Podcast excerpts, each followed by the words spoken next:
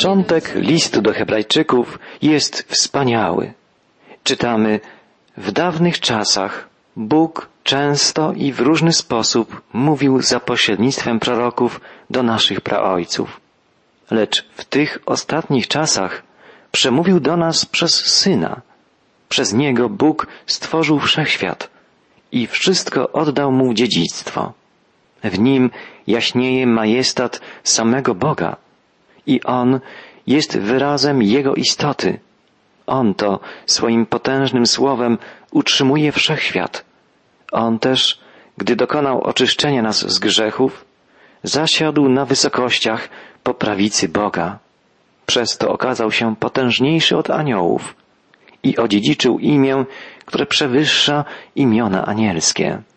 Słowa, które teraz przeczytaliśmy, brzmią jak początek wspaniałego przemówienia, mającego na celu ukazanie całkowitej unikalności, wyjątkowości postaci Jezusa Chrystusa. Gdybyśmy znali język grecki, oryginalny język listu, bylibyśmy skłonni pomyśleć, że jest to początek przemówienia wielkiego mówcy, oratora, gdyż sposób, w jaki autor listu rozpoczyna opowieść o Chrystusie, zdradza doskonałą znajomość greki, znajomość bogatego słownictwa i znakomitego stylu, rytmu klasycznej greki.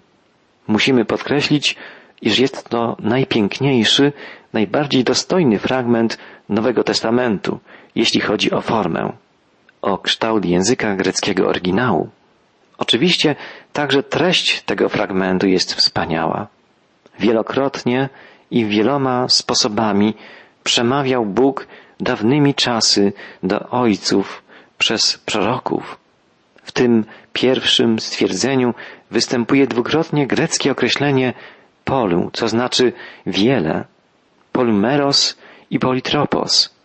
Te dwa greckie słowa, przetłumaczone w naszym przekładzie jako wielokrotnie i wieloma sposobami, nadają początkowi listu charakter uroczystej przemowy. Tak właśnie rozpoczynali swe wielkie mowy najwybitniejsi greccy oratorzy, tacy jak Demostenes. Wplatali oni w pierwsze zdania swych przemówień słowo poli, czyli wiele, aby podkreślić doniosłość tego, o czym będą mówić i aby ująć swoją mowę w jak najbardziej uroczystą i dostojną formę.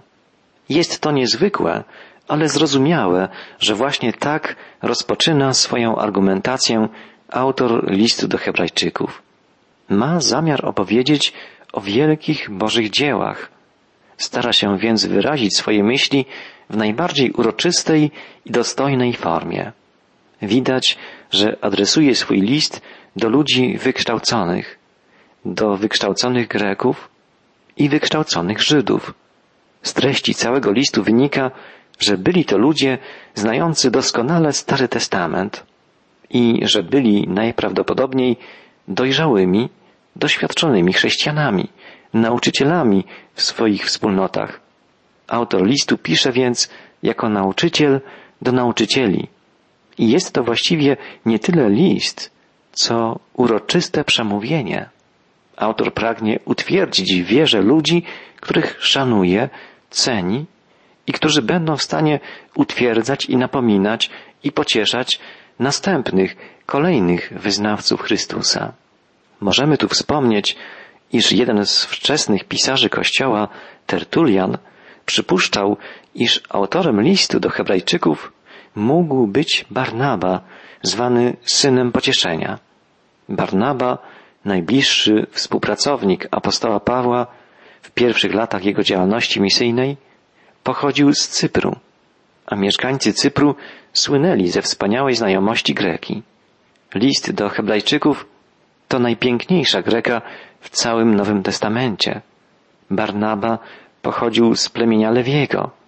Znał więc doskonale system ofiar i wszelkie posługi kapłańskie, o których bardzo często mowa jest w liście.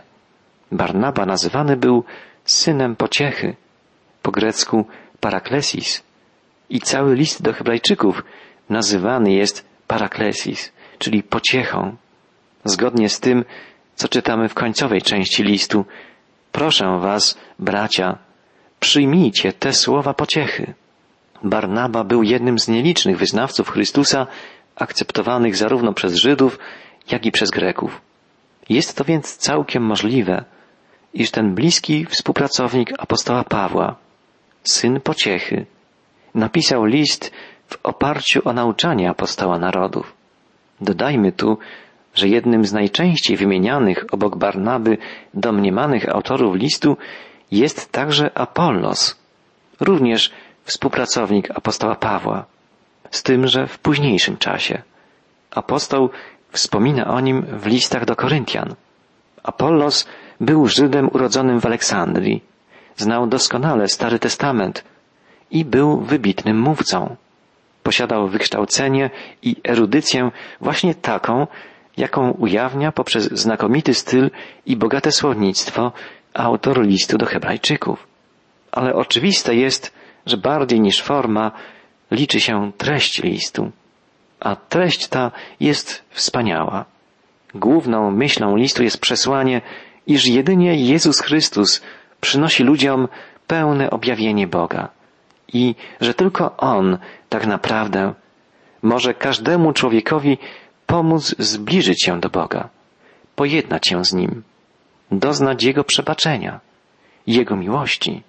Autor listu podkreśla, że Bóg, zanim przemówił przez swego Syna, wielokrotnie i wieloma sposobami przemawiał do ludzi poprzez proroków.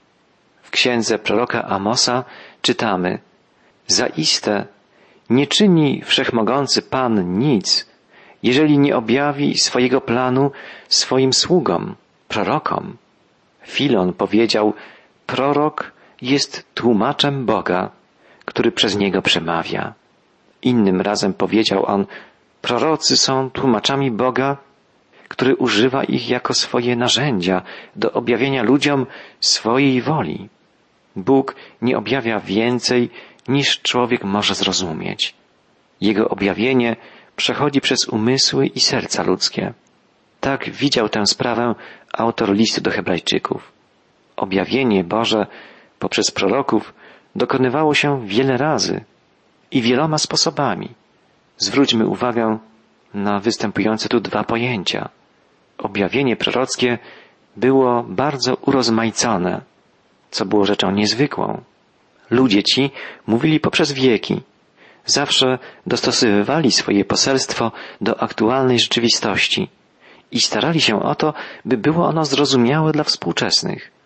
Jednocześnie objawienie to było częściowe, fragmentaryczne i przedstawiane w ten sposób, by w określonym czasie było zrozumiałe. Interesujące jest to, iż każdego z proroków cechuje szczególnie jeden kierunek lub przedmiot działań. Na przykład Amos jest głosem wołającym o sprawiedliwości społecznej. Izajasz uchylił przede wszystkim rąbka tajemnicy dotyczącej świętości Boga. Ozeasz, w oparciu o przykre doświadczenia swego życia, uświadamiał sobie i nam cud przebaczającej miłości Bożej. Każdy z proroków z własnych przeżyć i przeżyć własnego narodu odkrywał i wyrażał fragment, część prawdy Bożej. Żaden z nich nie wyraził całej prawdy. Z Jezusem Chrystusem jest zupełnie inaczej. Nie jest on fragmentem prawdy, lecz całą prawdą. W nim Bóg objawił się nie częściowo, lecz w całej swojej pełni. W Chrystusie zaświtał nowy wiek, wiek Boży. Chrystus dał światu nowy początek. Myśl ludzka w szczególny sposób została rozjaśniona. W Jezusie Bóg wkroczył w historię ludzką. Wieczność zawładnęła doczesnością i dlatego wszystko uległo nieodwracalnej zmianie. Chrystus zasiadł po prawicy majestatu na wysokościach, mówi nam list do Hebrajczyków. A w liście do Efezjan apostoł Paweł pisze podobnie, iż Chrystus jest ponad wszelką nadziemską władzą i zwierzchnością i mocą i panowaniem i wszelkim imieniem, jakie może być wymienione, nie tylko w tym wieku, ale i w przyszłym. Wielkość Chrystusa który jest absolutnie ponad wszystkim, co istnieje, i wielkość nowego przymierza, którego On sam jest znakiem. Oto centralna prawda, którą chce nam przybliżyć list do Hebrajczyków. Po drugie, gdy porównujemy to, w jaki sposób Bóg przemówił przez swego Syna, z tym, jak przemawiał poprzez proroków, zwróćmy uwagę, że czasem prorocy, gdy odczuwali, że brakuje im słów, albo że po prostu słowa ich nie docierają do uszu odbiorców, zamiast słowem mówionym posługiwali się innymi metodami. Stosowali pewne symbole, obrazy, zachowywali się w niezwykły sposób, stając się znakiem dla otaczających ich ludzi. Na przykład obnażali się, golili głowę, wykonywali symboliczne czynności, używali symbolicznych przedmiotów, przekazując fragmenty Bożej prawdy, korzystali z obrazów, symboli, znaków, a także słów. Inaczej było z Jezusem. On objawił Boga poprzez bycie sobą. Ukazał nam, chodząc po ziemi, Boga, nie tyle przez to, co powiedział, a nawet co uczynił, ale przez to, kim był jako człowiek, doskonały człowiek. Objawienie prorockie było wielkie i zróżnicowane, a jednocześnie fragmentaryczne, cząstkowe, przekazywane przy pomocy metod uważanych za skuteczne. Objawienie Boże w Jezusie było pełne i przedstawione w samej osobie Jezusa Chrystusa. Inaczej mówiąc, prorocy byli przyjaciółmi Boga. Natomiast Jezus jest samym Bogiem. Należy podkreślić, że celem autora listu nie jest pomniejszanie ważności proroków, lecz wywyższenie Jezusa Chrystusa. Nie mówi on o jakiejś luce między objawieniem Starego Testamentu a Nowym Przymierzem. Raczej wskazuje na kontynuację objawienia i jego punkt kulminacyjny. Autor listu przedstawia dwa obrazy, określając osobę Jezusa. Pisze, że Jezus był apaugasma chwały Bożej. Apaugasma może oznaczać dwie rzeczy. Może to znaczyć blask, jaśniejącą światłość lub odbicie promieni świetlnych. W tym wypadku oznacza blask. Jezus jest jaśniejącą chwałą Bożą pośród ludzi. Autor listu pisze też, że Jezus jest charakterem istoty Bożej. Charakter w języku greckim ma dwa znaczenia. Przede wszystkim jest to pieczęć albo odcisk tej pieczęci na wosku. Tak więc mówiąc o Jezusie jako o charakterze istoty Bożej, autor listu przedstawia Jezusa jako dokładne podobieństwo Boże. Tak jak patrząc na odcisk pieczęci, dokładnie rozpoznajemy kształt i treść tej pieczęci, tak patrząc na Jezusa, widzimy dokładny obraz Boga. Możemy stwierdzić, że prolog listu, jego wstęp, mówi o co najmniej sześciu wielkich cechach Jezusa. Po pierwsze, należy do niego cała Boża chwała. Jest to wspaniała myśl. Jezus jest objawieniem chwały Bożej. Dlatego z niezwykłą wyrazistością widzimy, że chwała Boża nie ogranicza i nie poniża człowieka, lecz służy mu, kocha go, a w końcu umiera za niego. Nie jest to chwała kruszącej wszystko mocy, lecz chwała ofiarnej miłości. Po drugie, przyszłe królestwo należy do Jezusa. Autorzy ksiąg nowotestamentowych nigdy nie wątpili w ostateczne zwycięstwo Jezusa. Pomyślmy o tym. Byli oni uczniami Jezusa. Pamiętali go jako galilejskiego cieślę, który został ukrzyżowany jako przestępca na wzgórz Golgoty, poza murami Jerozolimy. Sami przechodzili przez straszliwe prześladowania i byli najuboższymi ze wszystkich ludzi, a mimo to nigdy nie wątpili w ostateczne zwycięstwo. Zawsze byli pewni tego, że za Bożą miłością stoi też Boża moc i ostatecznie królestwa tego świata staną się królestwem Pana i Jego pomazańca. Twórcze działanie należy do Jezusa. To trzecia prawda. Pierwotny Kościół utrzymywał, że Syn jest Bożym narzędziem w dziele stworzenia, że zasadniczo Bóg stworzył świat przy pomocy Syna. Chrystus jest nie tylko dziedzicem wszechrzeczy, ale również Stwórcą wszechświata. Czytamy, przemówił do nas przez Syna, którego ustanowił dziedzicem wszechrzeczy, przez którego także wszechświat stworzył. Po czwarte, Chrystus podtrzymuje wszystko słowem swojej mocy.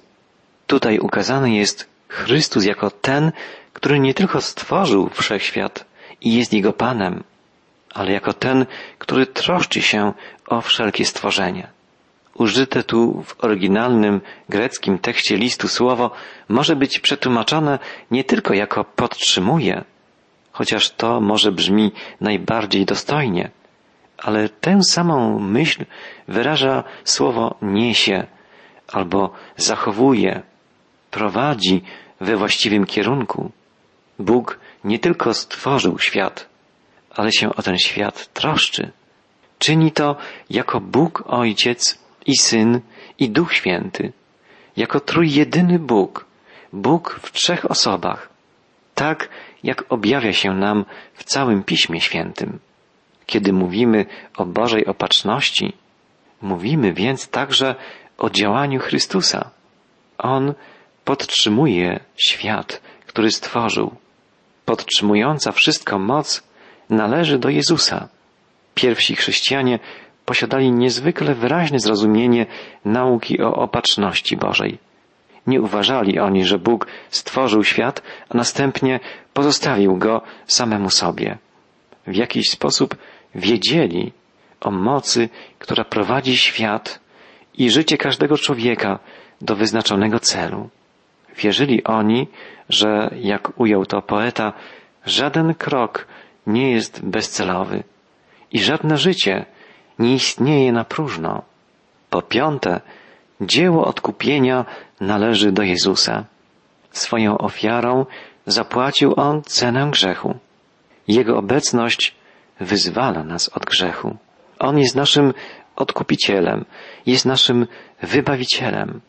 I w końcu, po szóste, chwalebna służba kapłańska, służba pośredniczenia pomiędzy Bogiem a człowiekiem należy do Jezusa. On jest jedynym pośrednikiem, prawdziwym, skutecznym pośrednikiem pomiędzy Bogiem Ojcem a nami. On zasiadł po prawicy majestatu chwały, jako Pan i Król, jako nasz arcykapłan. Znajduje się tam u boku Ojca nie jako nasz sędzia, lecz jako ten, który wstawia się za nami. Tak więc, podsumowując, podkreślmy, że już na początku listu ukazana jest postać Jezusa jako tego, przez którego powstał wszechświat i który świat ten podtrzymuje, troszczy się o niego jako o swoją własność. W dawnych czasach Bóg często i w różny sposób mówił za pośrednictwem proroków do naszych praojców, lecz w tych ostatnich czasach przemówił do nas przez Syna. Przez Niego Bóg stworzył wszechświat i wszystko oddał Mu w dziedzictwo. W Nim jaśnieje majestat samego Boga i On jest wyrazem Jego istoty. On to swoim potężnym słowem utrzymuje wszechświat. On też, gdy dokonał oczyszczenia nas z grzechów, zasiadł na wysokościach, po prawicy Boga. Chrystus odkupił świat, zmartwychwstał i wstąpił na niebiosa, aby tam, jako król i kapłan, wstawiać się za nami. Chrystus stwórcą i odkupicielem. Chrystus królem i zwycięzcą. Chrystus Panem wszystkich i Panem ponad wszystkim. Oto prawdy, jakie zawiera prolog listu do Hebrajczyków.